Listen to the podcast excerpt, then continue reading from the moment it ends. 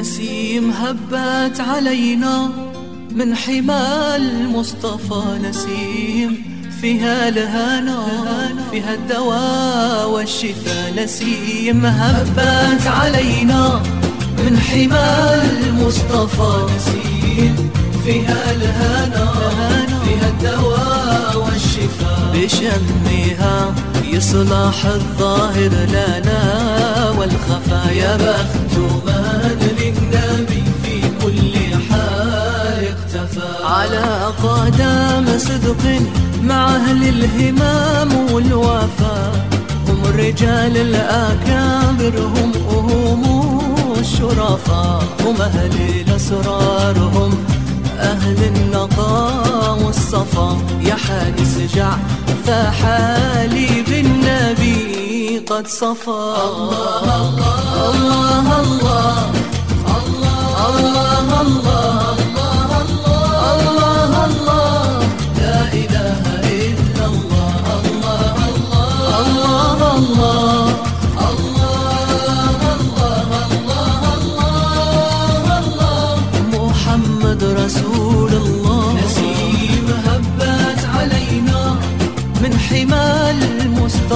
نسيم فيها الهنا فيها الدواء والشفاء بشمها. يصلح الظاهر لنا والخفا. يا بخت من للنبي في كل حال اقتفى. الله الله الله الله الله.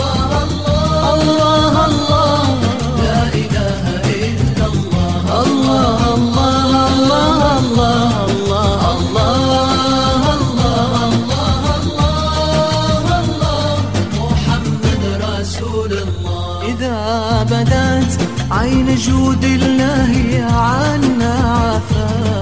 الله حاسبي ونعم الحسب حاسبي كفى إذا بدت عين جود الله عنا عفا.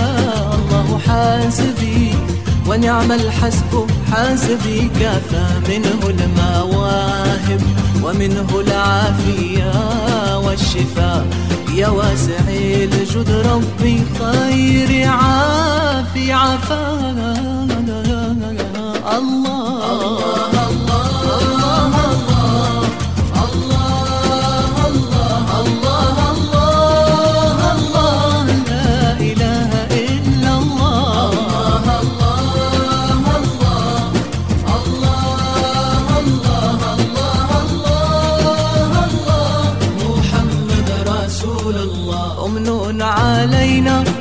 برفقات عبدك المصطفى اسلك بنا نهج من لهديه اختفى أمن علينا برفقات عبدك المصطفى اسلك بنا نهج من لهديه اقتفى. نثبت بديوان وراث النبي الخلفاء بجاه أحمد حبيب الله كنز الوفا. الله.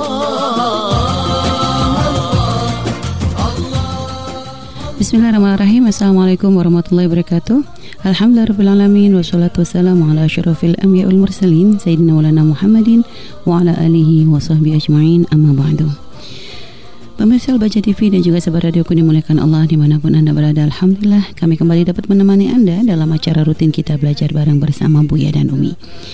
Dan bagaimana kabar sahabat dan juga pemirsa? Pada hari ini semoga Allah terus memberikan kepada kita semua kesehatan untuk bekal kita beraktivitas dan melakukan kebaikan dan kemuliaan untuk bekal taat, untuk bekal ibadah. Dan semoga Allah senantiasa menjaga kita semuanya membukakan pintu kebaikan dan menutup dari segala kemaksiatan. Amin ya rabbal alamin Pemirsa dan juga sahabat radioku dimuliakan Allah SWT Kembali kita akan belajar bersama untuk menjadikan kita semakin lebih baik lagi dan kita akan masih berada di silsilah tentang rumah tangga. Bagaimana cara agar kita bisa membangun keindahan di dalam rumah tangga? Bangun rumah tangga yang sakinah mawadah warahmah. Karena dari keindahan rumah tangga itulah akan banyak membukakan pintu-pintu kebaikan. Ya dan juga nanti dari rumah tangga yang bahagia yang yang sakinah mawadah warahmah akan menjadi sebab anak-anak pun akan bisa dididik dengan baik ya dalam uh, artinya tidak sampai terjadi apa istilah broken home dan sebagainya itu ya. Jadi intinya kita ingin rumah tangga kita itu bahagia di dunia, mukaddimah bahagia di akhirat insyaallah. Maka untuk menciptakan keindahan dalam rumah tangga ada banyak hal yang harus kita pelajari, yang harus kita fahami supaya kita tidak uh, salah langkah ya. Karena tentu di dalam rumah tangga akan kita menemukan banyak ujian atau hal-hal yang kadang mungkin tidak pernah terbayang sebelum menikah gitu ya. Maka di sini kita akan belajar bersama terus untuk menjadikan kita bisa lebih baik lagi. Baik pemirsa dan juga sahabat yang dimuliakan Allah Subhanahu wa taala, ya pada pertemuan yang lalu kita sudah bahas masalah uh, curhat ya. Artinya jangan gampang membahas rumah tangga kita dengan orang di luar gitu ya. Karena ini suatu menjadi suatu tren yang banyak terjadi dan Buya sudah memberikan nasihat kepada kita panjang lebar pada pertemuan yang lalu.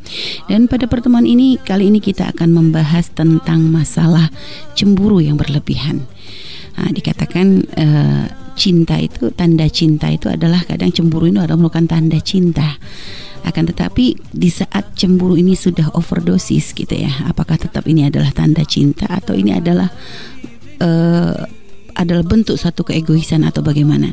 Makanya perlu di sini kita mendengarkan nasihat dari Buya ya bagaimana di saat ada rasa cemburu apa bagaimana caranya untuk kita mengatasinya dan juga jangan sampai sampai terlalu berlebihan di dalam merasakan rasa cemburu ini. Uh, terus uh, dan apakah memang cemburu itu diperlukan di dalam masalah rumah tangga ini? Ini nanti akan kita mendengarkan nasihat dari Buya. Kan tetapi sebelum itu seperti biasa sebelum kita masuk kepada pembahasan Umi akan menyapa Buya yang sudah hadir bersama Umi di studio. Assalamualaikum Buya. Waalaikumsalam warahmatullahi wabarakatuh. Gimana kabarnya Buya? Alhamdulillah sehat berkat doa semua para pemirsa para pendengar. Dan semoga para pemirsa dan pendengar semua senantiasa dalam ridho Allah dimudahkan segala urusannya. Amin, amin, amin, amin. Yang sudah berumah tangga dijaga oleh amin. Allah menjadi keluarga yang penuh dengan kasih dan cinta. Amin. Dan dengan penuh kebahagiaan. Amin. Yang belum menikah juga segera mendapatkan pasangan amin, yang amin, amin. yang menjadi sebab kebahagiaan di dunia dan di akhirat. Amin, amin, subhanallah. Baik Bia, tadi seperti yang sudah kami sampaikan di awal bahwa kita kali ini akan membahas tentang masalah cemburu yang berlebihan. Apakah hal ini memang diperlukan atau mungkin boleh jika muncul dalam kehidupan rumah tangga kita Bia. Dan juga kepada pemirsa dan sahabat radioku, eh, bagi Anda yang ingin bergabung untuk nanti bertanya kepada Buya, Anda bisa bergabung bersama kami di via telepon kami di 085 2847 00147 atau di via SMS atau WhatsApp kami 081 321 461079. Baik kita siapkan hati dan juga uh, mungkin sahabat bisa mulai membuka buku dan juga menyiapkan tulisan untuk uh, pulpen ya untuk mungkin mencatat hal-hal penting yang nanti bisa akan Buya sampaikan kepada kita. Semoga itu menjadi sebab kebaikan untuk kita semuanya. Baik Buya kami persilahkan. Bismillahirrahmanirrahim. Assalamualaikum warahmatullahi wabarakatuh. Waalaikumsalam warahmatullahi wabarakatuh. Innal hamdalillah nahmaduhu wa nasta'inuhu wa nastaghfiruh ونعوذ بالله من شرور أنفسنا ومن سيئات أعمالنا من يهده الله فلا مضل له ومن يضلل فلا هادي له وأشهد أن لا إله إلا الله وحده لا شريك له وأشهد أن سيدنا محمدا عبده ورسوله اللهم صل وسلم على حبيبنا سيدنا محمد وعلى آله وأصحابه والتابعين لهم بإحسان إلى يوم الدين أما بعد Para pemirsa, para pendengar di mana pun Anda berada, Alhamdulillah kita bisa bergabung kembali di acara kita belajar bersama. Semoga Allah memberikan kepada kita ilmu yang bermanfaat. Dan Allah mudahkan kita mengamalkan ilmu kita. Dan semoga Allah senantiasa memberikan kepada kita kebahagiaan, kelapangan hati, keindahan dan kemesraan dalam kebersamaan. Baik di dalam keluarga atau di masyarakat, amin, di dunia dan di akhirat. Amin berbicara tentang cemburu sebetulnya itu kan satu rasa takut kehilangan maka rasa takut kehilangan itu akan muncul karena seseorang itu merasa memiliki. Yang tidak pernah merasa memiliki tidak akan merasa takut kehilangan. Maka nggak akan ada kecemburuan di sana. Kemudian dikembangkan lagi. Rasa cemburu adalah rasa takut kehilangan. Maka di sini perlu menggunakan akal sehat nalar sehat. Agar mengabadikan maksudnya apa yang selama ini dirasa dimiliki akan tetap akan menjadi miliknya. Sebetulnya itu kan rasa cemburu itu ya untuk mempertahankan itu. Makanya coba kalau orang tidak pernah urusan apa-apa kan coba ada orang menikah di sana ada orang begini ada orang pergi kan? Datang perginya seseorang kalau kita tidak ada merasa memiliki nggak ada. Nggak ada perasaan apa-apa. tapi di saat kita merasa memiliki, maka di situlah akan ada rasa kehilangan. Termasuk dalam mencintai itu, memang di sana ada ada yang sering kita dengar kecinta tidak tidak selamanya harus memiliki ya. ya. ya. Jadi di saat terbangun sebuah cinta, kemudian kok tiba-tiba tidak tidak mendapatkan kemudahan untuk bertemu ya, ya memang betul tetap cinta dan ini kan bapaknya beda dalam mencintai seharusnya tidak ada di luar cinta cinta yang ada hubungannya dengan syahwat pada akhirnya ya. memang cinta dengan syahwat beda ini ini pembahasan beda akan tapi uh, di dalam mencintai itu memang orang berupaya untuk memiliki biarpun itu bukan menjadi miliknya memiliki maknanya ya kalau urusan laki perempuan ya ada kedekatan dan ada kesinambungan dan seterusnya Nah, di saat muncul cemburu, maka cemburu ini jangan dianggap sebagai malapetaka. Kalau kita melihat pasangan kita cemburu, jangan dianggap sebagai malapetaka. Justru tadi seperti Umi sampaikan, ini adalah tanda bahwasanya dia merasa memiliki kita. Tanda cinta di dalam hatinya sehingga ada muncul kecemburuan. Cemburuan. Tapi kalau cemburu, nah, tapi kalau cemburu ini sudah tidak dikontrol dengan akal dan syariat akan salah besar. Akan salah besar. Maka kita pun harus memahami pasangan lah ya. Mohon pasangan itu macam-macam. Ada satu pasangan mungkin kepada komunitas misalnya. Ada pasangan itu ada pasangannya model uzubah. Hmm. Uzubah itu ada laki-laki yang memang uh, biarpun sudah punya istri, ya kan? Tapi dia masih sering bergaul dengan kawan-kawan lakinya. Misalnya bukan urusan perempuan ini jadi seorang perempuan jangan-jangan kadang-kadang masih kumpul dengan kawannya ngobrol. Itu itu itu bukan uh, tidak tidak perlu di dalam dalam cemburu sampai merusak sampai melarang suaminya nggak boleh kumpul ini ini nggak nggak ada apa-apa itu memang ada karena ada kebiasaan sebagai seorang laki-laki yang dulu punya kawan akrab yeah. terus ngeruk-ngeruk apa, apa ngobrol sampai malam minum kopi dan sebagainya yang penting tidak melanggar syariat seorang istri nggak perlu sampai masuk wilayah ini karena kenyamanan seorang suami adalah memang dengan istrinya sangat mencintai. Cuman dia punya kebiasaan di masa muda ya, mudanya gayanya gaya gaya anak yang bujang. Tapi bukan berarti dia itu akan nyeleweng sana sini ya, harus waspada ini perempuan. Kadang-kadang begitu langsung Oh, paling senang kumpul dok teman-temannya. Kalau sama bisa ngakak-ngakak dan sebagainya. Kalau dengan saya sudah nggak, bukan dia memang itu bukan sebuah pelanggaran sebetulnya. Dia akan keakraban yang terbangun selama ini. Nah, maka seorang istri di sini nggak boleh serta merta membatasi suami di dalam urusan. Ini kan bukan urusan haram, hanya mungkin ngobrol di rumahnya ada. Ini kita pernah mengadu pada kami suami saya itu, aduh, sering masih biarpun sudah menikah masih sering kumpul dengan teman-temannya. Ngapain sih kumpul teman-temannya? Yang ngumpul aja, ngumpul-ngumpul aja, ada masalah. Lagi bukan perkumpulan haram bu ya? Bukan perkumpulan yang haram dan ini ada memang model semacam ini. Ya, ya. Sama juga seorang wanita kadang memang uh, biarpun sudah punya suami tapi dia masih lebih senang di saat dia harus ngobrol dengan teman-temannya. Kalau ketemu itu memang kriung apa sama saudara-saudaranya. Biarkan jangan sampai terlalu dibatasi. Jangan ini, jangan itu.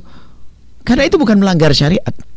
Bahkan mungkin itu adalah termasuk uh, satu sifat yang yang yang sifat wafa atau kesetiaan dia di dalam bersahabat dahulu sebelum menikah akan dilestarikan biarpun sudah menikah. Kan ini bukan urusan pelanggaran syariat. Berbeda kalau seorang laki-laki uh, sudah punya istri tatonya dengan perempuan dan sebagainya. Ini babnya beda. Ini masalah haram. Maka di dalam untuk mengawal kecemburuan ini harus ada akal ada syariat. Coba cemburu yang nggak pakai akal cemburu nggak pakai akal. Pernah nggak mendengar seorang perempuan yang mendengar suaminya misalnya dengan perempuan lain lalu mohon maaf dipotong alat ininya? Ada, ada enggak Ada, ada ada tidak seorang laki-laki yang karena cemburu dengan pacar bukan suami istri lalu dibunuh? Ada banyak. ada. ya. ini adalah gila. Karena tidak dikontrol dengan akalnya. Dia tidak ngerti bagaimana cemburu. Ini kan kegilaan akal. Yang tidak dipandu dengan syariat apa coba? Ayo. Ini ada harus ada keseimbangan. Dalam bercemburu ini harus dia menggunakan akalnya. Haruskah aku melarang suamiku seperti itu? Kalau ada yang tidak harus dilarang. Kayak tadi urusan kumpul Urusan dengan kawan-kawan dan pacaran, sebagainya sahabat. Ada cemburu yang tidak dikawal dengan syariat. Coba. Ada seorang wanita itu karena cemburu dengan suaminya daripada dengan perempuan apa Yang daripada menikah lagi sampai ada itu Ya. lebih baik berzina. Ada. Seperti negeri-negeri yang kita dengar berita kayak di Jepang begitu misalnya di Jepang wallah alam kebenarannya kita hanya mendengar sebuah berita. Ada di sana itu seorang istri itu kadang-kadang kalau pergi ke toko itu membeli boneka seks untuk suaminya. Karena merasa bahasanya dia mungkin kurang bisa melayani so misalnya ini kalau itu berita benar. Jadi memang bukan bukan mengarahkan kecemburuan kepada sesuatu yang syar'i tapi mengarah ada syariat Ya. Bahkan sampai ngomong yang penting jangan nikah lagi, kamu boleh zina. Kan ada perempuan yang semacam ini. Nah, ini adalah kegilaan di dalam cemburu. Dia ingin merasa memiliki tapi dia nggak punya syariat. Sehingga dia memiliki hanya sekedar sebatas di dunia. Dia tidak ada kerinduan untuk bertemu di akhir. Sementara ahli iman, ahli la ilallah, dia harus membangun kecemburuan ini adalah dengan akalnya. Dengan akalnya. Contoh seorang bapak cemburu, tiba-tiba seorang bapak dan ibu ada suatu ketika seorang seorang suami istri punya anak atau menikah itu gelisahnya luar biasa. Anak perempuan yang menikah. Cemburu sebetulnya itu karena dia selama ini adalah anak yang sangat dicintai. Nanti bagaimana bagaimana bagaimana? Nah kecemburuan ini sah. Cuman sebagai seorang bapak yang sehat akalnya dan ngerti syariat ya bukan anaknya jerumuskan jerumuskan malah dicarikan pasangan yang Yang benar. Sekarang ada. Cintanya kepada seorang anak gadis lihat sehingga bahkan dibiarkan dengan laki-laki dengan yang haram sekalipun. Yang penting dia senang lah. Ini kan cemburu ingin cemburu. Cemburu yang normal adalah nah ini cemburu yang normal adalah ingin memiliki atau ingin mengabadikan jalinan selama ini yang ada atau ingin memiliki tanpa harus ada pelanggaran syariat dong. Tanpa harus pelanggaran syariat. Dan tanpa bertentangan dengan akalnya. Seorang bapak kalau dia mencintai anaknya maka harus ada cemburu dong. Pak. cemburunya bagaimana? Cemburunya syariat dong. Cemburunya apa? Aku tidak ingin anakku tidak baik di dunia dan tidak baik di di akhirat. Sehingga anakku tidak boleh urusan dengan laki-laki dengan cara yang tidak benar. Cuman dia punya fitrah dia seorang wanita. Dia harus punya laki-laki. Maka seorang bapak berpikir bukan dirangkul terus bukan bersama dia sampai naudzubillah ini kecemburuan yang salah ini tidak bertemu dengan tidak sesuai dengan syariat ini tidak tahu berita-berita semacam ini kan sekarang tunggu zaman zaman rusak ya sampai bagaimana seorang bapak naudzubillah merasa bahasanya tiba-tiba di dalam hatinya dengan anaknya sampai tiba-tiba menggauli anaknya Naudzubillah. Ini ada kejadian-kejadian semacam ini. Ini karena tidak urusan dengan syariat. Maka cemburu harus dibarengi dengan akal dan syariat. Nah, coba kalau tidak pakai akal, apa yang didapat setelah itu? Seorang perempuan cemburu karena suaminya adalah urusan dengan perempuan lain, akhirnya apa? Mohon maaf, dipot- dipotong. Kita pernah dengar. Apa yang ia dapat setelah itu? Kan hilang semuanya. Suaminya tambah benci dengan dia, marah dengan dia dan seterusnya dan hilang. Kalaupun kembali gak akan bisa urusan yang sebagainya. Ini ini kegilaan. Tidak menggunakan akalnya. Sama ada yang membiarkan yang penting kamu asa kamu hanya milikku. Urusan dengan perempuan yang penting jangan jangan nikah. Itu sebetulnya bukan cinta yang sesungguhnya. Karena ada diharapannya adalah takut hak miliknya nanti diambil ini dan sebagainya sebagainya. Maka lebih baik dengan perempuan. Bahkan ada yang mencarikan. Mencarikan. Ini kan gila. Maka cemburu ini kalau dikawal dengan akal dan dikawal dengan syariat akan menjadi indah. Muncullah seorang bapak yang dengan serius mencarikan pasangan untuk putrinya. Kenapa? Karena cemburu-cemburu dengan sah. Muncullah seorang anak di saat melihat ibunya janda yang sangat butuh kepada ayoman seorang laki-laki, dia akan berusaha biarpun secemburu apa pun. Karena justru tidak ingin ibunya melakukan keharaman. Seorang bapak yang seorang duda, seorang anak melihat bapaknya yang ditinggal ibundanya, suami apa suaminya meninggal dunia, istri yang meninggal dunia, seorang anak akan berpikir. Tapi kalau cemburunya buta lihat, gila, nggak boleh ini. Bapak ini, kalau bapak menikah lagi, padahal bapaknya memerlukan. Dan ini ada satu kasus. Sampai ada seorang perempuan lihat anaknya katanya sangat mencintainya. Dia berkata nih, mengarahkan ke haram akhirnya. Ya saya itu menjanda, suami saya meninggal empat tahun yang lalu dan saya bisa bertahan. Empat tahun saya bisa bertahan sendiri. Kemudian setelah itu saya pengen menikah. Nah, saya pengen menikah dan ditahan oleh anak saya. Empat tahun saya bertahan untuk sendiri. Rupanya setelah empat tahun saya perlu ayaman seorang laki-laki. Akhirnya saya bicara dengan anak saya. Anak saya marah besar dengan saya. Akhirnya ya saya turuti karena saya tidak bisa. Anak saya tidak setuju dengan saya menikah. Tak Pak, setelah bercerita dia menangis. Kemudian Bu ya, saya hanya bertahan satu tahun untuk seperti itu dengan larangan anak saya. Terus menikah. Saya bilang tidak Bu ya. Terus hubungan gelap. Nah, ya. Melakukan keharaman. Karena anaknya tidak paham. Maka kami selalu memandang, pandanglah ibu, jangan pandang ibumu selamanya sebagai seorang ibu, tapi pandang dia seorang wanita.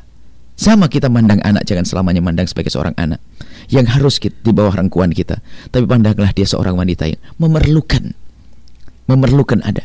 Maka di saat kita cemburu kita memenuhi kebutuhannya. Di saat kita cemburu adalah bagaimana agar lestari abadi. Bagi anakku harus aku pilihkan dengan pasangan yang baik.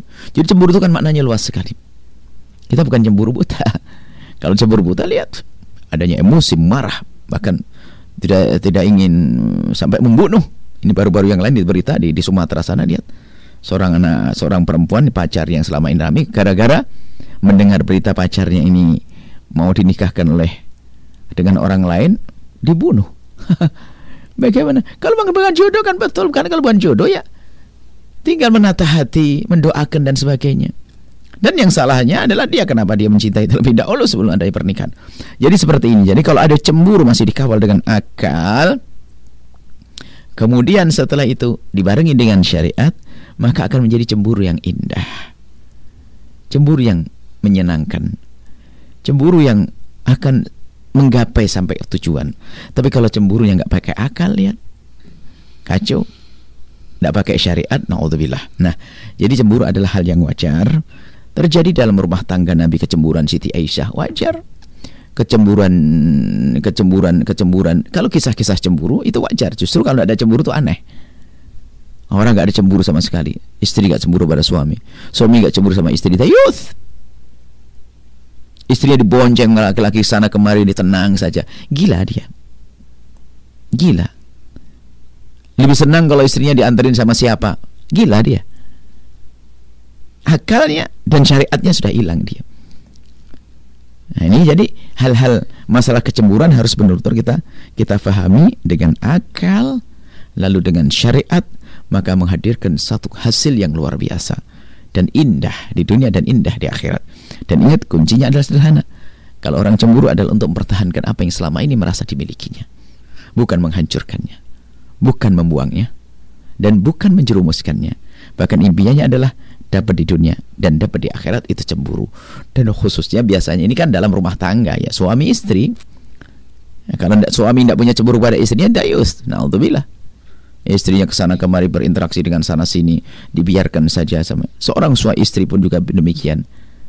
Nggak pernah peduli dengan uh, suami terserah mau ke mana saja mau apain nggak terserah. Oh nggak. Nggak punya cemburu.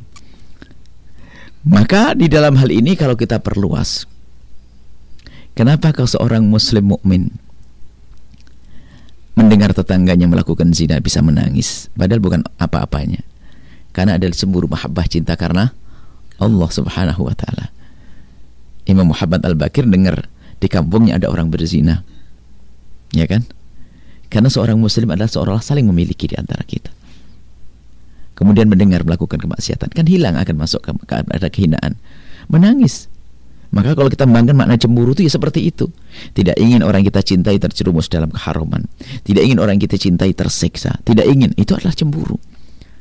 Maka cemburu ini yang mencambuk kita untuk mem, untuk berkhid, untuk berjuang. Untuk memperjuangkan cinta yang selama ini dirasakannya. Ini memperjuangkan, bukan menghancurkan cinta. Kalau orang punya cemburu yang yang dikontrol oleh akalnya dan dikontrol oleh syariatnya. Nah ini. Jadi maka dari itu jangan jangan selalu menanggapi negatif tentang kecemburuan pasangan.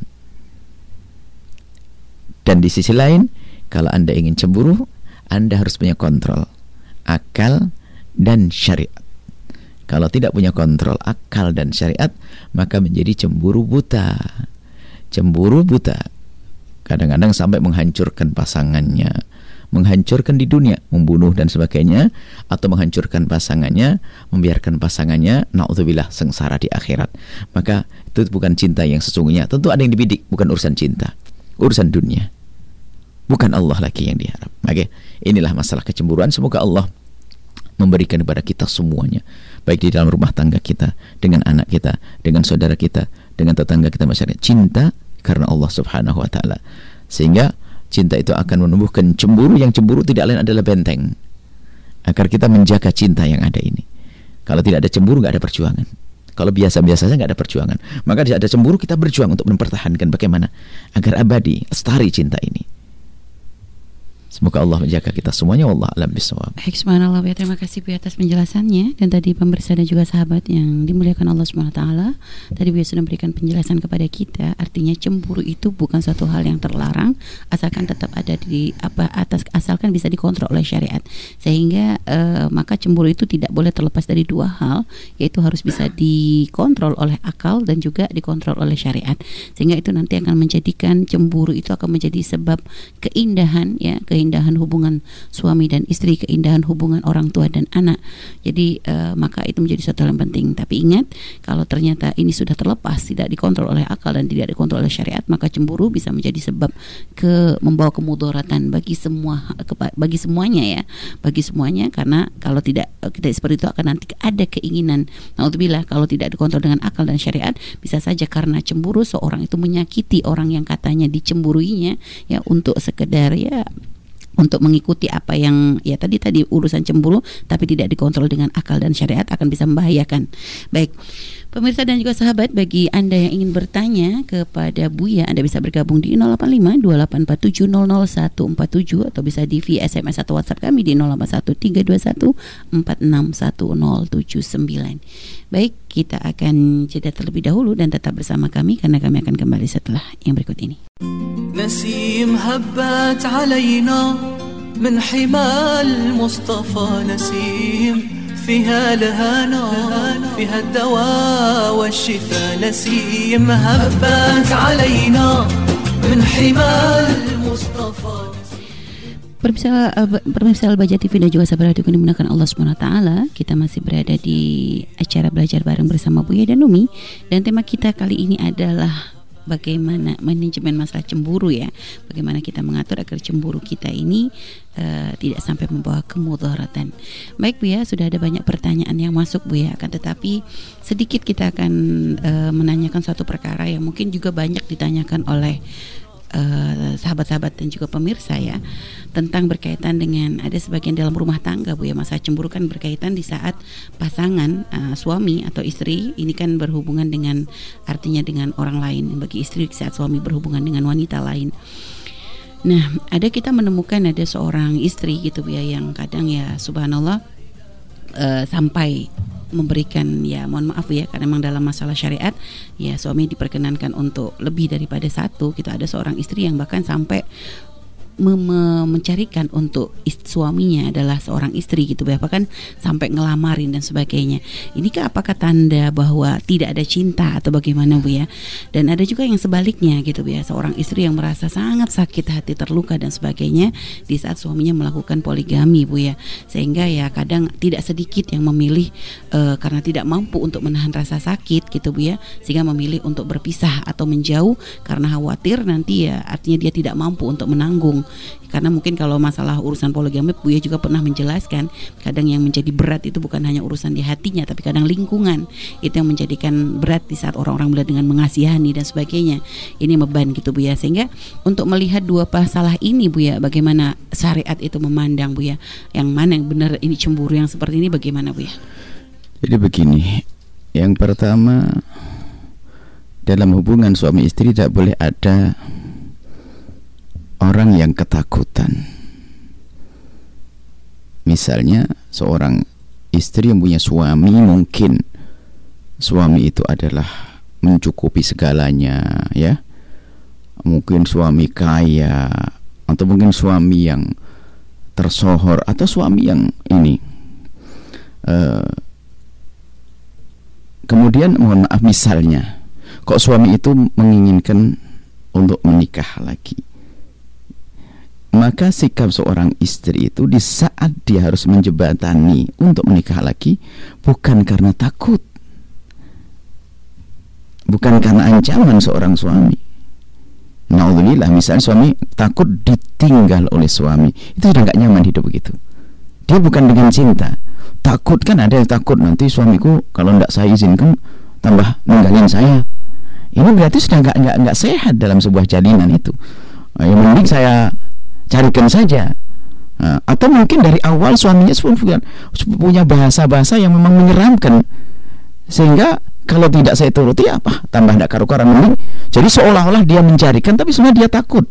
Karena suaminya adalah orang yang mampu dalam segalanya bisa melakukan apa saja atau mau dia orang ternama dan sebagainya bisa saja melakukan apa saja atau atau. Maka bisa saja seorang wanita di saat mencarikan istri lagi itu bukan dalam irama mencintai bukan. Irama takut dia sendiri hilang bukan kehilangan. Dia menjadi tidak dihargai tidak dia akhirnya takut akhirnya mencarikan dalam irama takut ini sudah nggak sehat ya macam-macam ini. Ini salah. Sehingga apakah setiap orang yang istri bisa tiba-tiba mencarikan pasangan suaminya itu lalu tidak ada cinta? Bisa saja nggak ada cinta memang. Hanya karena dia cinta kekayaannya saja daripada saya dibuang. Atau cinta pangkatnya saja mungkin suaminya orang tersohor atau sehingga dia bukan begitu. Ini sudah hidupnya nggak nggak sehat dia. Dia bukan karena cinta, akan tapi di sisi lain, eh, kalau memang ada suami yang seperti itu, apakah serta merta di saat seorang istri mencarikannya uh, lalu nggak ada cemburu? Bukan, tidak jamin, bukan bukan nggak ada cemburu. Seorang istri akan tahu bagaimana suaminya, perjalanan suaminya dan sebagainya. Uh, tentunya di sini bukan bukan bukan serta merta, bukan begini istri dorong dorong suaminya yang belum mau. Ini juga salah abalik kalau kamu ini, ini, ini, ini belum tentu karena mungkin suami ada ada hal lain. Apakah ketidakmampuan beli dia dalam memberi nafkah atau yang lainnya ada pertimbangan yang lain. Juga nggak perlu dengan alasannya saya hanya cinta surga saja ini kamu abang nikah lagi dah nikah nikah jadi tidak indah ya semacam itu biar berjalan begitu saja setiap orang akan bisa memandang pasangannya jadi ada apa gencar-gencar setiap istri itu ngomong suamiku biar nikah lagi ya sama kamu, biar nikah lagi ya sama kamu. Nggak perlu dikitukan karena belum tentu suami yang pengen mengarah ke sana. Atau mungkin cukup dengan satu istri, atau mungkin cukup dengan dua istri, nggak usah ditambah-tambah biar lengkap dan sebagainya. Nah, itu bisa jadi memang di dalam hatinya cintanya memang tidak ada. Hanya ya dia pengen punya status, pengen ini gitu saja. Nah, akan tetapi lihat di saat seorang istri melihat kebutuhan seorang suami, tentu pertimbangannya adalah banyak hal karena dia cerdas misalnya. Dia melihat suaminya tidak tidak menjorok-menjorokkan suaminya, tidak mengarah-ngarahkan. Kita kita kita sering sobat kita ada seorang suami ngadep pada kita, "Bu ya istri saya nyuruh saya nikah lagi, nikah lagi terus setiap hari ngomong begitu." Saya tanya apakah istri memang tidak mampu melayani? Tidak, ya cukup kok dia. Kalau seperti itu gak ada masalah. Mungkin pertimbangan suami suami yang lain ada pertimbangan masalah nafkah, pertimbangan tanggung jawab dan sebagainya. Mungkin dia sendiri bukan seorang yang bisa membimbing. Jadi nggak usah suami dijorok-jorokkan termasuk di antara kita kaum pria sendiri lihat tidak usah gembar-gembar urusan poligami dikit-dikit ngomong kamu istri cuma satu kami ini sudah. Tidak semua orang mampu. Dan semua tidak semua orang mengarah ke sana. Jadi mohon poligami yang mulia di dalam Islam jangan jadi bahan ejekan. Dan bukan jadi bahan permainan dalam obrolan. Kadang-kadang nggak ada masalah gini nih istri berapa? Anu satu. Satu. Jadi kok kok jadi guyonan itu kenapa harus seperti itu? Nah, kemudian istri di saat melihat suaminya misalnya memang ada ada ada ke sana misal mengarah ke sana. Tentunya sebisa mungkin ya diajak diskusi yang baik untuk tidak mengarah ke sana. Akan tetapi jika lah ini cemburu yang baik, jika ternyata suami harus pilihannya dua. Di saat dia melangkah dengan cara yang tidak terkontrol sehingga menjadi salah yang hancur siapa kan begitu. Lu berat ya tentu berat tapi untuk mempertahankan, untuk menjaga suami agar tidak salah langkah, kemudian mungkin seorang suami bisa menemukan perempuan yang mohon maaf tidak sehat secara fisiknya, tidak sehat secara akhlaknya. Maka mungkin muncul seorang wanita, lah ini yang ditanyakan tadi wanita yang mencarikan, mencarikan tidak serta merta tidak punya cemburu. Bisa jadi memang nggak punya cemburu, bisa jadi dia memang punya pertimbangan banyak tentang suaminya karena dia cerdas. Kalau saya biarkan begitu saja, adalah mungkin suami saya tambah salah. Ada pun masalah yang ditanyakan tadi masalah bukan saja urusan dia mungkin urusan lingkungan. Urusan lingkungan bisa disetting dia. Demi kemaslahatan bersama bisa dipikirkan di setting bagaimana agar dalam lingkungannya tetap aman tentram tapi suaminya adalah tidak terjerumus. Terjerumus maknanya bukan urusan zina saja, mengambil orang yang salah, kemudian malah menjadikan sebab bermasalah di dalam rumah tangganya dan seterusnya. Kalau sudah begitu yang hancur bukan saja masalah urusan dia dengan diri dan lingkungannya, semuanya akan hancur. Maka di sini memang perlu uh, perlu perlu perlu cermat seorang seorang istri terhadap memandang keinginan suaminya. Di sisi lain memang kita perlu kita selalu sampaikan kepada siapa pun jangan sampai mencoreng namanya poligami. Seorang dikit-dikit sunnah Nabi sunnah Nabi sunnah buat siapa? Buat seseorang belum tentu jadi sunnah. Kadang dengan istri satu saja dia tidak bisa. Benar bagaimana dengan dua tiga? Menikah satu istri saja ada yang haram hukumnya. Menikah ada yang makruh hukumnya. Ada yang sunnah dan ada yang wajib. Tentu kembali kepada setiap orang itu sendiri. Ini apa orang perso apa masalah pribadinya seorang laki-laki. Apakah dia sudah layak? Ada keinginan ke sana? Sejauh mana kebutuhannya? Harus ada pertimbangan seperti itu. Jadi kesimpulannya tidak serta merta kalau ada seorang wanita yang tiba-tiba malah mencarikan suaminya itu tidak ada cemburu tidak serta merta tapi bisa jadi hubungannya bukan cinta yang sehat cinta takut cintanya takut, ya, takut ditinggal, takut dibuang, itu adalah tidak indah. Bahkan mungkin naudzubillah hanya karena dia tidak punya kesempatan saja dia dia tidak melakukan yang serupa. Kadang-kadang diam-diam mau apa lagi? Suamiku juga begitu, nggak punya iman lagi. Saya juga begini, enggak. Jalinan harus ada indah. Maka, nah nanti pada akhirnya begini. Pada akhirnya seorang istri yang bijak tadi ya di, di saat dia harus melangkah melangkah kepada misalnya memilihkan untuk suaminya maka yang dilakukan seorang istri adalah banyak hal tentunya pertimbangan yang sehat pertimbangan yang sehat yang adalah kesinambungan termasuk sampai derajat misalnya kalau tiba-tiba suaminya punya anak lagi bagaimana anaknya siapa anaknya suami suami sampai harus pikir ke sana artinya harus dia menjaga jangan sampai anak madunya itu bermusuhan dengan anaknya sendiri. Makanya ditata tentang keadilan. Jangan tentang anakku saja dahulu kan sampai ke sana. Kenapa? Karena cinta sua, suami jangan dirongrong, jangan sampai dilarang suaminya. Uh, itu lagi, itu lagi enggak. Jadi diajari suaminya untuk tetap adil. Mungkin suaminya adalah dekat dengan istri Anda yang pertama misalnya Anda seorang istri pertama. Tapi bukan berarti Anda kerongrong suaminya tidak boleh. Jangan diajari suami melanggar Allah. Jangan diajari suami itu dolim kepada anak dan istrinya. Ini adalah baru cemburu yang normal, yang sehat. Kalau memang harus, tapi bukan sekedar bukan dijorok-jorokkan. Kami juga kadang kalau ada seorang wanita yang dorong dorong dorong dorong seperti itu, sementara suaminya tidak berkeinginan, Anda menjerumuskan malahan sama. Kisah menjerumuskan itu bukan sekedar sekedar uh, menjerumuskan denganlah perempuan yang salah, tapi tidak.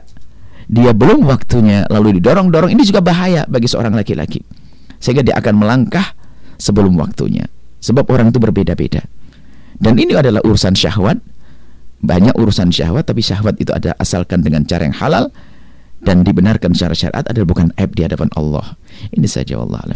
Subhanallah ya. Terima kasih Bu atas jawabannya ya dan penjelas-penjelasannya tadi dan juga subhanallah sudah ada banyak sahabat yang bergabung ya. Mungkin satu pertanyaan terlebih dahulu Bu ya kita baca sebelum nanti kita akan jeda ya. Uh, satu pertanyaan dari hamba Allah Ya Bu ya, Allah Musta'asam dari Pontianak nih Bu ya. Assalamualaikum warahmatullahi wabarakatuh. Waalaikumsalam warahmatullahi Sayyidina Muhammad. Semoga Buya dan Umi selalu dalam lindungan Allah. Amin. Izin Buya bertanya, saya belum menikah dan saya juga orang yang tertutup. Maksudnya nggak suka dengan laki-laki yang sok kenal dan saya juga uh, tertutup tidak memiliki WhatsApp, Facebook. Terkadang ada kawan-kawan yang bilang, kamu kapan nikah kalau sifatmu tuh seperti itu? Mohon tanggapannya Buya dan mohon doanya. Anda berusaha untuk mulia, jangan khawatir. Urusan jodoh nggak ada urusannya dengan terbuka. Itu banyak orang setiap hari dobral nggak laku-laku juga ada kok. Ini Bu, bukan ya. urusan seperti itu. Anda mulia, itu setan bisikkan pada Anda agar Anda rusak seperti mereka. Iya. Nggak, nggak ada. Jodoh udah waktunya. Ada orang soleha tidak menikah sampai akhir zaman, sampai akhir hidupnya. Ada orang setiap hari diobral dan dananya sampai segala ditempeli di wajahnya nggak ada yang ngambil dia juga ada kok. Urusan Iya, jodoh nggak ada. Anda tetap soleha seperti itu. Anda tetap berprinsip dengan prinsip Anda. Jangan ragu akan Jadi datang ke ya, akan kalau memang Anda akan mendapatkan jodoh tentu jodoh Anda adalah orang pilihan Oke. karena Anda telah menjaga diri Anda seperti itu. Baik, terima kasih Bu ya. Dan sahabat tadi di Pontianak semoga bisa memahami Bu ya dan terus bisa menjaga diri. Baik Bu ya, kita akan break terlebih dahulu dan juga kepada permisal Baja TV dan juga sahabat radioku, Anda bisa bergabung bersama kami di 085 2847000147 atau di via SMS atau WhatsApp di 081 321461079 dan kita akan kembali setelah jeda yang berikut ini. نسيم هبت علينا من حمى المصطفى نسيم فيها الهنا فيها الدواء والشفاء نسيم. هبت علينا من حمى المصطفى نسيم فيها الهنا فيها الدواء والشفاء. بشمها Dipancarloskan dari Lembaga Pengembangan Dakwah Al-Baca Sendang Sumber dan Anda masih bersama kami dalam acara belajar bareng bersama Buya dan Umi. Baik Buya, selanjutnya kita sudah masuk sesi tanya jawab Buya. Ada pertanyaan dari hamba Allah di Jawa Tengah Buya. Assalamualaikum warahmatullahi wabarakatuh. Assalamualaikum. Buya mohon nasihatnya. Seorang ayah menyuruh anak perempuannya agar menggugat cerai suaminya karena suaminya sakit Buya nggak bisa jalan. Karena suami mengalami kecelakaan. Apakah perbuatan ayah tersebut dibolehkan oleh agama Buya? Hmm, ti- Tidak diperkenankan seorang seorang bapak memaksa anaknya untuk mencer minta cerai. Karena kadang-kadang anaknya ada cinta, kemudian urusannya bukan urusan kaki, urusan hati. Orang tua tidak boleh terlalu jauh ikut campur dalam hal semacam ini. Eh, Karena bisa saja seorang istri mungkin merasa menikmati dengan suaminya semacam itu Ya, Buya. urusan kaki patah dan sebagainya. Dan kalau seandainya ada hal yang yang cacat secara itu mungkin alat vitalnya dan sebagainya. Tapi seorang istri menerima nggak boleh ikut-ikutan orang lain. Dia bisa nerima karena kadang seorang wanita itu karena luapan cintanya sudah men- men- men- men- melunturkan semuanya hasrat-hasrat bisa saja hilang. Jadi nggak boleh seorang bapak semacam itu nggak diperkenankan. Jangan kok anak perempuan. Kalau ada seorang bapak punya anak laki-laki, nggak boleh menyuruh anaknya mencerai istrinya. Adapun kisah Sayyidina Umar bin Khattab pernah Sayyidina Umar menyuruh anak laki-lakinya untuk menceraikan istrinya. Itu siapa yang menyuruh? Sayyidina Umar bin Khattab. Ente siapa? Ente bukan Umar yang ilmunya luas kan itu loh. Kadang-kadang seorang bapak gampang-gampang ikut campur ini. Ini bermasalah sekali dan dolim haram hukumnya. Ya, nggak diperkenankan. Nggak ya. diperkenankan. Jadi nggak harus patuh dengan orang tua urusan begini, baik karena sudah sudah sudah jadi punya ikatan, Iya, ya. Baik, punya ya. ikatan. Baik, Bu ya. Subhanallah. Terima kasih, Bu ya. Tadi hamba Allah Jawa Tengah ya, artinya tidak diperkenankan untuk seorang bapak mema- memaksa anaknya bercerai dari pasangannya. Baik ya, selanjutnya pada pertanyaan kecuali alasan syar'i ya. Oh iya alasan syar'i, syar'i. suaminya lah punya zina, mabuk, penjudi karena bakal menu- ke mana-mana penyakitnya itu. Anaknya Ah, iya. Baik, Bu ya. Ini urusan urusan. Baik, ya. Baik, selanjutnya Bu ya, ada pertanyaan dari hamba Allah di Indramayu. Assalamualaikum warahmatullahi wabarakatuh. Waalaikumsalam warahmatullahi Bu wabarakatuh. ya, saya hamba Allah di Indramayu kelas 3 SMK Bu ya. Mau Mm. tanya Bu ya, bolehkah kita cemburu terhadap orang yang belum halal? Terus apa yang harus saya lakukan ketika rasa cemburu itu datang? Saya bisa menahan untuk tidak mendekati zina, tapi saya suka cemburu kalau perempuan yang ingin saya jadikan istri itu dekat dengan pria lain. Terkadang saya suka mengancam teman-teman pria yang coba-coba mendekatinya Bu ya. Baik. Sebetulnya rasa cinta bukan dosa. rasa cinta akan ada pada setiap manusia kan katanya begitu wajar. Cinta adalah satu fitrah. Orang yang nggak punya cinta cacat. Ya. Hanya bagaimana kita mencintai dan kapan waktu mencintai dan siapa yang kita cintai. Harus ada semuanya. Kalau belum waktunya kita mencintai jangan main cinta. Akan terjerumus dalam cinta yang salah. Atau bukan orang yang harusnya Anda cintai tiba-tiba Anda sering terbiasa akhirnya Anda mencintai sehingga sebetulnya dia tidak layak Anda cintai. Maka itu adalah cinta buta gula jawa rasa coklat itu musibah kalau seperti itu.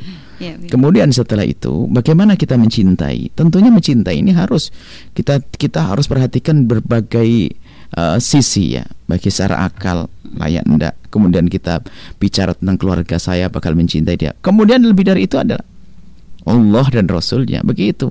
Ada orang dia mencintai seorang anak gadis misalnya, tapi tidak pernah berpikir bapak ibunya bakal cinta atau tidak. Ini kan problem. Berarti dia terburu-buru dong.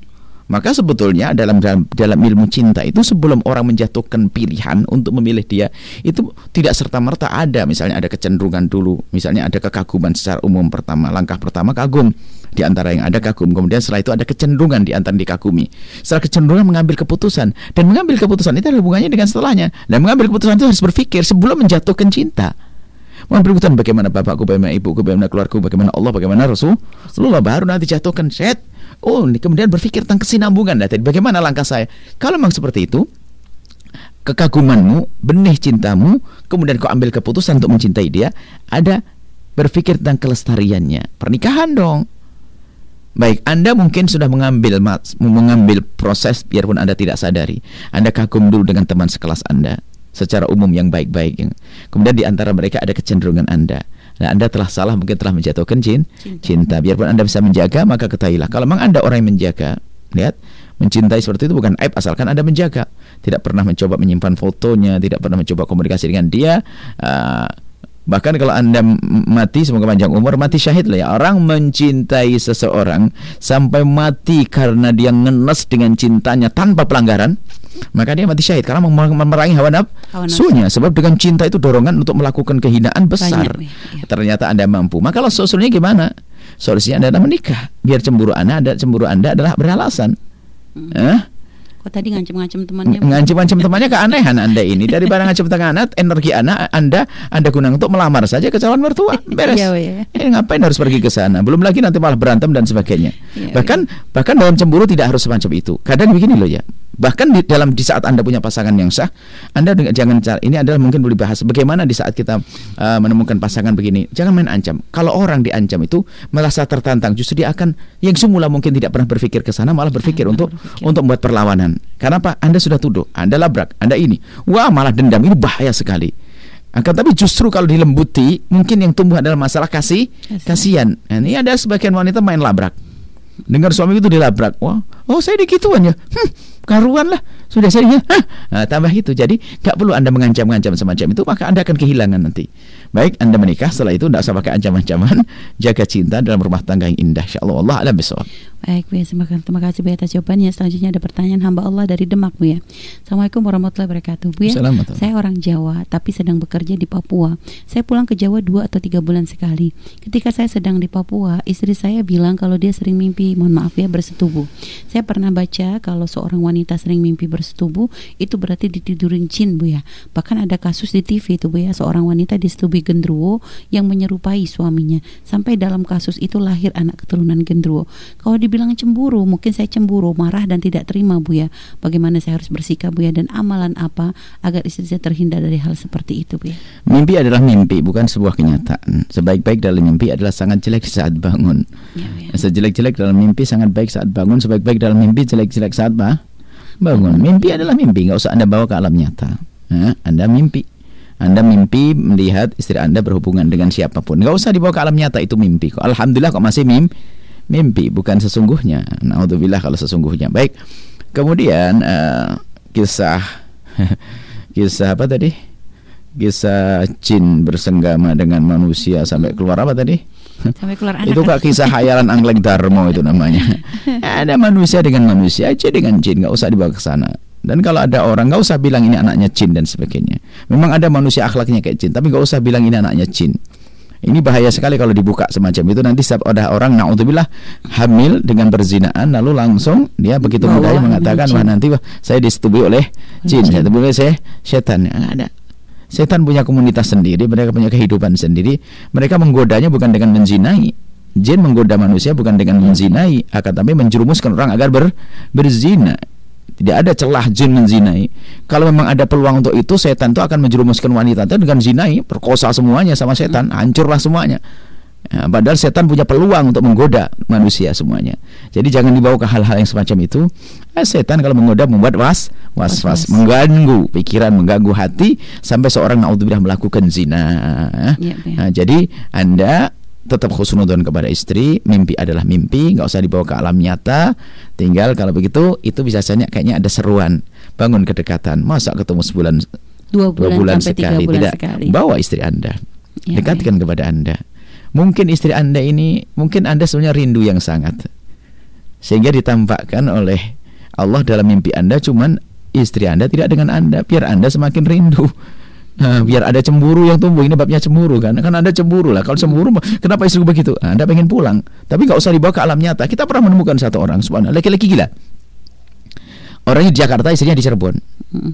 sampai meninggal Allah yarham semoga Allah mengampuni istrinya itu sakit sampean karena apa? Gara-gara sang suami itu mimpi, langsung paginya tuh diamuk istrinya. Padahal mimpi ngelihat istrinya sama laki laki mimpi sampai dituduh kau berzina ya kak. Wah ini orang mimpi di alam nyata gila itu orang. Ya, Semoga Allah mengampuni semuanya. Baik Bu ya, jadi hayalan-hayalan begitu nggak harus nggak harus dipercaya Bu ya. Nggak nggak mana jin punya urusan sendiri. Kan urusan Itu sendiri. mungkin faktor kangen seorang istri kangen kepada ya, suami dan ingin berkumpul bersama Bu ya ya baik. Nah, jangan apalagi bilang tadi lihat anak-anak apa gendruwo macam-macam. ya, ya. nah, nah, nah, nah, jangan percaya hal-hal yang semacam itu. Memang kita tahu ada jin, ada setan, ada gendruwo itu adalah setan juga itu. Cuma ya, namanya di Indonesia itu karena Indonesia tersenang memberi nama ada gendruwo, ada woy gombel, ada kuntilanak, ada uh, tuyul, ada macam-macam itu. Dan solusi Bu ya mungkin supaya nanti mohon maaf dengan mimpi seperti itu tidak menjadi permasalahan atau mungkin terhindar dari mimpi-mimpi tersebut seperti apa Bu ya? Ya doa di dalam di saat tidur tidak berdoa mendahulukan air wudhu berdoa dan seterusnya nggak akan mimpi-mimpi kotor. Ya, ya. Hmm. Baik, semuanya terima kasih Bu ya atas jawabannya. Selanjutnya uh, ada pertanyaan lagi Bu dari hamba Allah. Assalamualaikum warahmatullahi wabarakatuh. Semoga Bu ya dan Umi panjang umur dimudahkan urusan dakwahnya. Amin. Sehat walafiat. Saya hamba Allah dari Kuningan Bu ya. Begini Bu ya, saya ada berbeda pandangan pandangan dengan orang tua saya soal dunia. Orang tua saya ngotot saya harus lanjut kuliah, padahal saya sudah tidak mau dikarenakan tidak nyaman di kampus tersebut. Saya berpikir banyak jalan menuju sukses tidak hanya melalui kuliah. E, sedangkan orang tua saya berpikir sebaliknya. Lantas apa yang harus saya lakukan Bu ya? Apakah keputusan saya nggak mengikuti orang tua itu membuat saya durhaka kepada orang tua. Anda bisa mengikuti orang tua Anda tanpa Anda harus kehilangan akhlak. Kuliahlah di tempat yang terbangun akhlak di dalamnya. Kan kuliah kampus kan tidak hanya itu saja, masih banyak kampus yang lain, kan begitu? Ya. Masih ada kampus-kampus yang Anda bisa masuki. Misalnya kayak di Bangil di Dalwa itu pondok pesantren tapi dalamnya ada kampus terhormat, ya. Ya, kayak di Imam Solehin ada pesantren di dalamnya ada kampus terhormat, kan begitu? Jadi ada kampus-kampus terhormat. Anda bisa kuliah menyenangkan sua apa orang tuh tua dan Anda insya Allah sukses nanti. Hmm, itu saja. Jadi begitu Bu ya. Tapi kalau misalnya orang tuanya ngotot harus di kampus itu Bu ya. Kampus itu mungkin pertimbangan akhlak didahulukan karena Uh, mungkin artinya uh, orang tua ngotot begitu anak gimana bu ya? Anak sekarang ya berusaha kalau memang betul-betul gawat sekali di kampus itu dan anda akan terjerumus anda bisa menolak dan menjelaskan ke orang tua menolak kalau memang betul membahayakan Ya, ya. Tapi yang namanya tergoda kan halus ya, memang harus waspada. Kalau anda melihat memang di kampus tersebut nggak sehat, anda harus bicara pada orang tua. Mungkin kalau anda tidak mampu, bisa minta tolong pada orang terhormat yang bisa datang dan menjelaskan agar dipindah ke kampus lain. Upayakan seperti itu. Yang penting Anda berupaya untuk tidak melawan orang tua. Di sisi lain Anda harus berupaya untuk tetap akhlak dan sehat di dalam pergaulan. Allah alam Baik ya subhanallah bu ya. Uh, ada satu pertanyaan lagi bu ya tadi dari hamba Allah. Baik Bu ya, ini pertanyaannya. Assalamualaikum warahmatullahi wabarakatuh. Assalamualaikum warahmatullahi wabarakatuh. Uh, ini ada seorang wanita uh, ini dari pertanyaan tidak disebutkan ya dari mana. Saya seorang wanita yang mengagumi bahkan menyimpan rasa kepada seorang laki-laki. Dulu saya pernah dekat dengan dia tapi lama kelamaan karena saya rasa semuanya berlebihan, saya memilih menghindar dan diam karena saya sudah tahu jawaban dari dia. Karena yang saya inginkan adalah sebuah pernikahan karena di situlah semuanya berbuah pahala. Walaupun saya masih berumur 20 namun sampai sekarang rasa dan rindu itu selalu hadir dan saya tahu jika belum halal akan berbuah dosa bagaimana menyikapinya Bu ya? Baik, anda mengatakan, eh, saya sendiri melihat ada sebagian orang tidak membedakan ketulusan dalam cinta atau hanya sekedar syahwat atau ada telanjur jatuh dan cinta. Anda katakan bahwasanya dia berlebihan. Tentunya Anda kalau sudah Anda mengatakan berlebihan, Anda tidak lagi berharap kepada dia. Dia berlebihan. Ya. Tapi setelah mengatakan dia berlebihan di sisi lain Anda masih berharap. Sebetulnya Anda jangan-jangan sudah terlanjur mencintai dia. Sehingga biarpun dia tidak layak untuk Anda, Anda ingin paksakan dengan dia. Ini kesalahan. Anda telah menjatuhkan cinta. Itu bukan sekedar kagum saja. Kalau kau kagum begitu mudah untuk dialihkan. Ya, Be. Masih banyak selain dia kan begitu. Tapi kalau sudah terlanjur mencintai, lihat betul gula Jawa rasa coklat. Kalau udah pakai kontrol akhlak aneh. Anda sendiri sudah bisa mengatakan bahwasanya dia berlebihan. Artinya membuat nek deh. Anda nggak seneng, Anda nggak nyaman, Ya, Be. Nah, kan? Kenapa Anda masih mengharap dia? Mungkin Anda sudah terlanjur mencintai. Itulah bahayanya cinta sebelum waktunya. Anda tata hati Anda sendiri dengan akal sehat Anda. Maka sering kami sampaikan jika ada yang mengetuk hatimu, biarkan akal pikiranmu yang membukanya. Jangan biarkan hatimu yang membukanya. Ini berbahaya sekali. Bisa menjadi tiba-tiba mencintai tanpa kriteria. Ya, Be. Hmm. Jadi seperti itu Bu ya. Baik, subhanallah terima kasih Bu ya. Selanjutnya Bu ya satu pertanyaan dan ini mungkin juga pertanyaan terakhir Bu ya. Assalamualaikum warahmatullahi wabarakatuh. Assalamualaikum. Allahumma sholli ala Muhammad wa ala alihi wa ala ali Muhammad wa sallallahu alaihi wa ala alihi Bu ya, saya hamba Allah dari Malaysia Bu ya. Saya ingin bertanya, saya seorang istri kedua. Dulu suami saya menipu saya dengan status duda dia. Saya tidak tahu ternyata suami saya telah bersama lagi dengan istri pertamanya. Sekarang memang saya sudah memaafkan kesalahannya dan tetap melanjutkan pernikahan, tapi kadang masih ada rasa sakit dalam hati. Bagaimana cara menata hati agar saya tidak mendendam Bu ya? Dia adalah suami Anda dan Anda Anda bukan juga Anda tidak seperti Anda jangan merasa tertipu dulu. Dan suami Anda mungkin bukan menipu. Bisa jadi saat menikah dengan Anda dia memang sudah du, Duda. duda. Mungkin karena ada dorongan anak dan sebagainya akhirnya kembali lagi karena mungkin waktu itu adalah perlu ketenangan. Ternyata Anda menjadikan hatinya tenang, hatinya tentram sehingga dia menjadi stabil lagi, sehingga perilakunya menjadi baik, sehingga bisa menjadi komunikasi dengan anak-anaknya menjadi baik, bisa jadi dorongan untuk kembali lagi. Jadi setelah mungkin suami itu setelah belajar baik dari Anda lalu dia bisa kembali baik dengan istri yang dulu. Mungkin saja seperti itu. Agar Anda terhibur. Anda mungkin seorang pejuang yang hebat Anda ini. Jangan jangan sampai Anda terpuruk dengan Anda seolah ditipu. Bisa jadi betul dia jujur waktu menikah dengan Anda adalah du duda. Kan ada rujuk dalam Islam kan begitu. Iya, Setelah dengan Anda rupanya stabil dia. Ekonomi stabil, mungkin akhlak stabil. Akhirnya apa? Dari pihak istrinya pun ternyata merindukan kembali mungkin nah tengah sekarang tinggal anda tata jika semuanya sudah terjadi nggak perlu anda membuat sesuatu semakin berantakan sekarang tata hati anda ya pun uh, anda adalah istrinya dan selama ini mungkin permasalahan anda sepertinya anda baik-baik saja dengan dia hanya permasalahan anda anda merasa tertipu itu saja maka selagi anda sudah tidak merasa tertipu kelihatannya aman-aman saja kok lagi-lagi masalah cemburu, oke, cemburu, cemburu, harus ada cemburu. Maka kaidah sederhana. Lawan kecemburuanmu adalah dengan apa? Dengan dengan dengan ke- de- de- lawan kecemburuanmu dengan sesuatu yang menjadikan hatimu bisa tenang. Bagaimana melawan kecemburuan? Rebut suamimu dengan hebat. Bagaimana cara rebut suamimu dengan hebat? Rebut suamimu dengan serius. Bagaimana caranya? Dekatkan kepada syariat ajari untuk adil. Ajari untuk adil. Bahkan kalau Anda sebagai istri yang istri yang pertama sebetulnya kan itu kan jadi istri kedua jadi istri pertama mungkin. Kalau Anda bisa lebih dewasa maka ketahuilah Anda akan menjadi istri yang satunya tidak akan bisa mengalahkan Anda dengan akhlak Anda, mengingatkan tentang keadilan kepada sang suami, mengingatkan agar baik-baik karena kau sudah kembali kepada istrimu yang dulu, ingat jangan berbuat dolim. Ini kaidahnya sederhana. Maka dengan seperti itu apa yang terjadi pada suami? Ini hebat benar istriku ini. Maka nggak akan bisa dikalahkan Anda oleh dia.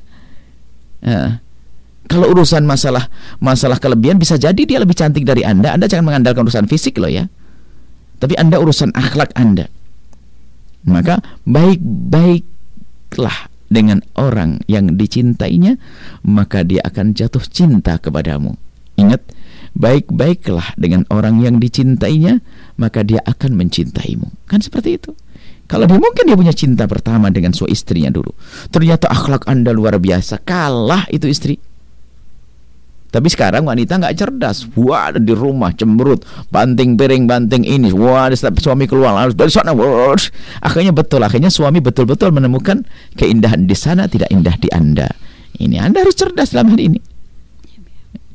Jadi dalam bahasa kami siapa namanya? Misalnya namanya Latifah atau Azizah.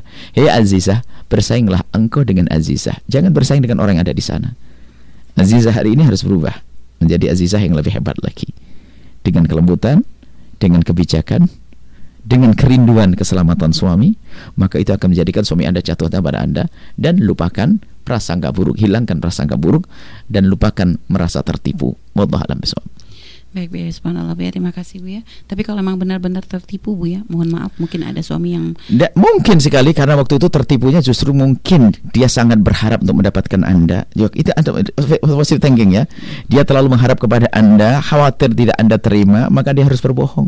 itu Bu ya. Bisa jadi semacam itu. Sekarang pada kenyataannya dia baik tidak dengan Anda itu loh. Iya Bu ya. Itu. Dia bisa baik dengan Anda. Kalau tidak semua orang siapa yang nggak pernah berdosa di antara kita? Hah? Siapa yang nggak bersalah di antara kita? Yang jelas kalau selama ini baik dengan Anda, alhamdulillah. Baik. Dia memberi nafkah, mencukupi selesai. Itu loh. Jadi kita harus cerdas dalam menangani masalah. Jangan membawa ke belakang, tambah berantakan semuanya nanti. Baik Bu ya, subhanallah. Terima kasih Bu ya atas jawabannya Bu ya. Baik Bu ya, subhanallah. Sebenarnya tadi ini adalah pertanyaan terakhir Bu ya. Tapi masih ada waktu sedikit Bu ya dan satu pertanyaan penutup sudah. Ini benar-benar penutup Bu ya. Assalamualaikum warahmatullahi wabarakatuh. Allahumma sholli ala sayyidina Muhammad wa ala ali sayyidina Muhammad. Mau bertanya Bu ya dan Umi, jika ada seorang anak yang belum balik dan pernah menjadi korban pelecehan seksual Bu ya, tanpa paksaan tapi diiming-imingi karena belum paham hal tersebut, maka si anak mau saja. Apa yang harus dilakukan anak tersebut setelah dia dewasa atau balik? Terima kasih Bu ya. Pertama, tidak usah bercerita kepada siapa pun dari bangsa manusia. Ya, Bu ya. Biarpun dia adalah selalu balik dan dia tidak punya dosa. Yang kurang ajar itu yang mengiming-imingi. Ini yang pertama. Jadi tidak usah bercerita kepada siapa pun dari bangsa manusia. Kemudian setelah itu dia harus berperan sebagai orang yang tidak pernah kenal hal itu. Selesai. Jangan cerita kepada siapa pun. Aman. Anda tidak dosa, nggak punya dosa kok. Tapi ya kami lebih lebih mencermati sisi lain, sisi tarbiyah. Bagaimana kok bisa sampai seperti itu? Ibunya ada di mana? Ya kan? Selama ini apa yang diperdengarkan? Siapa yang mengiming-iminginya? Kan gitu ya. Karena bisa saya ngiming-imingnya adalah pamannya, ya kan? Bisa abangnya, ya kan? Ya, Bu ya. Kalau orang lain siapa kok orang lain nggak bisa bersama dia itu? Ini makanya saya kembalikan kepada pergaulan di zaman ini, di hari ini. Iming-imingnya apa? Mungkin ditontonkan film yang enggak-enggak dan sebagainya, kan begitu? Bisa jadi. Maka saya lebih mencermati masalah itu. Bagaimana seorang anak bisa ter- kebobolan semacam itu. Melakukannya demikian tercubur demikian itu. Sisi ini. Adapun sisi dia anak gadis tersebut insya Allah aman karena dia melakukan belum belum balik dan insya Allah Allah akan beri yang terbaik untuk dia suami yang soleh insya Allah yang jelas apa? Nggak perlu diceritakan kepada siapa pun dari bangsa manusia. Selesai. Ya. hanya Allah yang tahu apalagi dia tidak do dosa Allah alam Baik, bismillah, naudzubillah. Karena memang kasus ini sekarang sedang marak. Oh, naudzubillah, ya. anak-anak kecil ya. sampai anak, anak bagaimana anak umur umur 8 tahun sudah bisa. Iya, ya. Dan ternyata bukan dibohongi dan dia sudah mencari. Dan kadang Bu ya menjadi satu giris Bu ya. Ini sedikit menyangkut Bu ya, menyambung dari apa yang pernah kita lihat beberapa waktu ini. Ada seorang anak kecil yang subhanallah sepertinya di- mendapatkan eh, pelecehan seksual gitu ya, diperkosa gitu Bu ya. Sehingga ketika dia akhirnya bisa selamat dari pemerkosanya, ini eh, kok ada gitu Bu ya dari sebagian orang yang kadang mensuting ke hal, hal kejadian tersebut gitu ketika anak ini menangis dengan mohon maaf Bu ya dengan daerah yang ada berdarah gitu dikarenakan bekas. ini Oh, kok ada yang orang orang yang orang pada gila, gitu, orang pada sudah tidak punya perasaan, orang tidak punya tidak Iya, Bu. punya syariat. Mestinya kalau memang ia ditutup karena kan punya masa depan ini anak. Bu ya. Ini adalah sudah kita tuh mental rusak ini. Karena ingin Mana gitu ya. perasaannya? Memang sekarang ada viral semuanya dunia. Dia yang mengorbankan orang. Itu kan korban masa depan dia. Iya. Dan ingat Anda jangan masuk wilayah ini karena apa? Haram, Allah ya. akan hinakan keluarga Anda. Haram. Mestinya dia dimuliakan, dipeluk, di ini dan sebagainya. Jangan sampai di viral. Itu kan video bakal abadi selamanya. Iya, iya. Ini orangnya dan sebagainya. Untuk menjerumuskan merusak masa depan anak naudzubillah. Dia sudah ter eh, terus jatuh ditimpa tangga. Jatuh ditolong seharusnya. Bukan malah diviralkan di ini. Memang gila semuanya. Anda punya tanggung jawab siapa pun anda. Baik, ya. harus sedih dalam hal-hal semacam itu Baik, subhanallah ya. Terima kasih Bu ya atas penjelasannya dan atas ilmu yang Bu ya bagikan pada hari ini ya. Dan semoga dengan apa yang Bu ya sampaikan, insya Allah kita bisa manajemen rasa cemburu kepada pasangan sehingga cemburu itu bukan menjadi sebab perpecahan, akan tapi menjadi sebab keindahan di dalam rumah tangga, di dalam hubungan suami istri, dalam hubungan orang tua dan anak ya. Baik, subhanallah. Terima kasih Bu ya dan selanjutnya ditutup dengan kesimpulan dan juga doa Bu ya. cemburu ingat cemburu tidak lain adalah karena dia merasa memiliki maka dia takut kehilangan Ya, ya. Dalam cemburu Anda harus bisa menghadirkan akal Anda dan syariat. Ya. Akal dan syariat. Kalau Anda bisa menghadirkan cemburu dengan akal dan syariat, cemburu sempurna, istimewa. Kemudian di dalam memahami kecemburuan seseorang, kita juga harus waspada. Artinya kalau ada orang cemburu kepada Anda, harus Anda tanggap. Bahwasanya ini adalah adalah ada hati di dalam hatinya ada cinta di dalam dirinya sehingga dia cemburu kepada Anda. Begitu sebaliknya, cinta yang ada di dalam hati Anda harus menjadikan Anda cemburu. Cuman ingat di dalam menerjemahkan kecemburuan kita harus punya punya kesadaran dengan akal kita dan harus dengan syariat. Kemudian sederhana, cemburu adalah untuk menjaga yang dicintainya.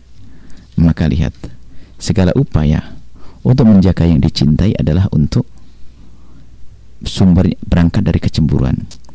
Cemburu untuk menjaga yang dicintai. Maka selagi upaya kita adalah untuk menjaga yang dicintai untuk dia agar selamat di dunia dan di akhirat itu cemburu yang syar'i dan akli. Apa pun yang dilakukan oleh seseorang untuk menjaga yang dicintainya agar dia baik di dunia dan senang di dunia, baik di akhirat, senang di akhirat, maka itu adalah cemburu yang akli dan syar'i. Nah ini ya, maka semuanya harus menata kecemburuannya. Semoga Allah memberikan kepada kita kecintaan kepada pasangan, cinta karena Allah Subhanahu wa taala. Di saat harus ada cemburu, cemburu dengan akal, dan cemburu dibarengi dengan syariat sehingga akan semakin indah di dalam sebuah jalinan dan semoga Allah menjauhkan kita dari benci dengki menjauhkan kita dari cemburu yang buta dan semoga Allah menjaga kita semuanya baik di dunia baik di akhirat.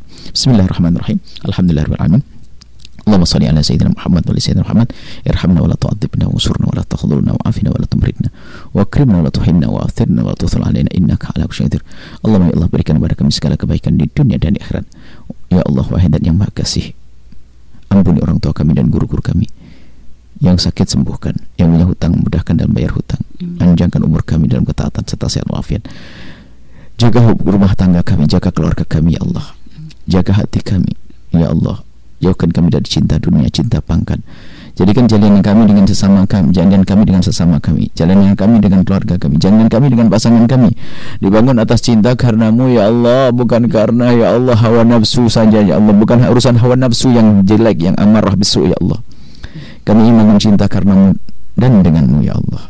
Bimbing kami ya Allah, muliakan kami dalam keluarga kami, rumah tangga kami, muliakan kami di dunia dan akhirat ya Allah panjangkan umur kami dalam ketaatan serta sehat walafiat berikan kepada kami semua khusnul khatimah mati dalam keadaan iman iman iman dan kami mohon ya Allah jadikan ucapan kami di akhir hayat kami kelak saat engkau hendak mencabut nyawa kami kami ingin saat itu ya Allah hati dan lidah kami mampu mengucapkan kalimat agung dan mulia la ilaha illallah Muhammad Rasulullah لا إله إلا محمد رسول الله لا إله محمد رسول الله صلى الله عليه وسلم ربنا أتنا في الدنيا حسنة وفي الآخرة حسنة وقنا عذاب النار وصلى الله على سيدنا محمد وعلى آله وصحبه الحمد لله رب العالمين الفاتحة بسم الله الرحمن الرحيم Menara, menara.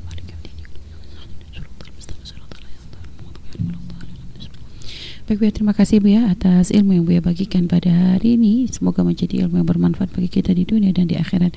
Dan juga kepada pemirsa dan juga sahabat radioku, terima kasih atas kebersamaan Anda selama satu jam setengah ini. Semoga menjadi kebersamaan yang penuh berkah, yang menjadi sebuah kemuliaan kita semuanya. Dan mohon maaf jika masih ada banyak pertanyaan yang tidak bisa kami jawab dikarenakan waktu. Semoga Allah memberikan kesempatan kepada kita untuk bertemu kembali dan belajar bersama kembali di kesempatan yang akan datang. Mohon doanya selalu dan kita tutup dengan doa penutup majelis. Subhanakallahumma bihamdika asyhadu la ilaha illa anta astaghfiruka wa atubu ilaik. Wassalamualaikum warahmatullahi wabarakatuh.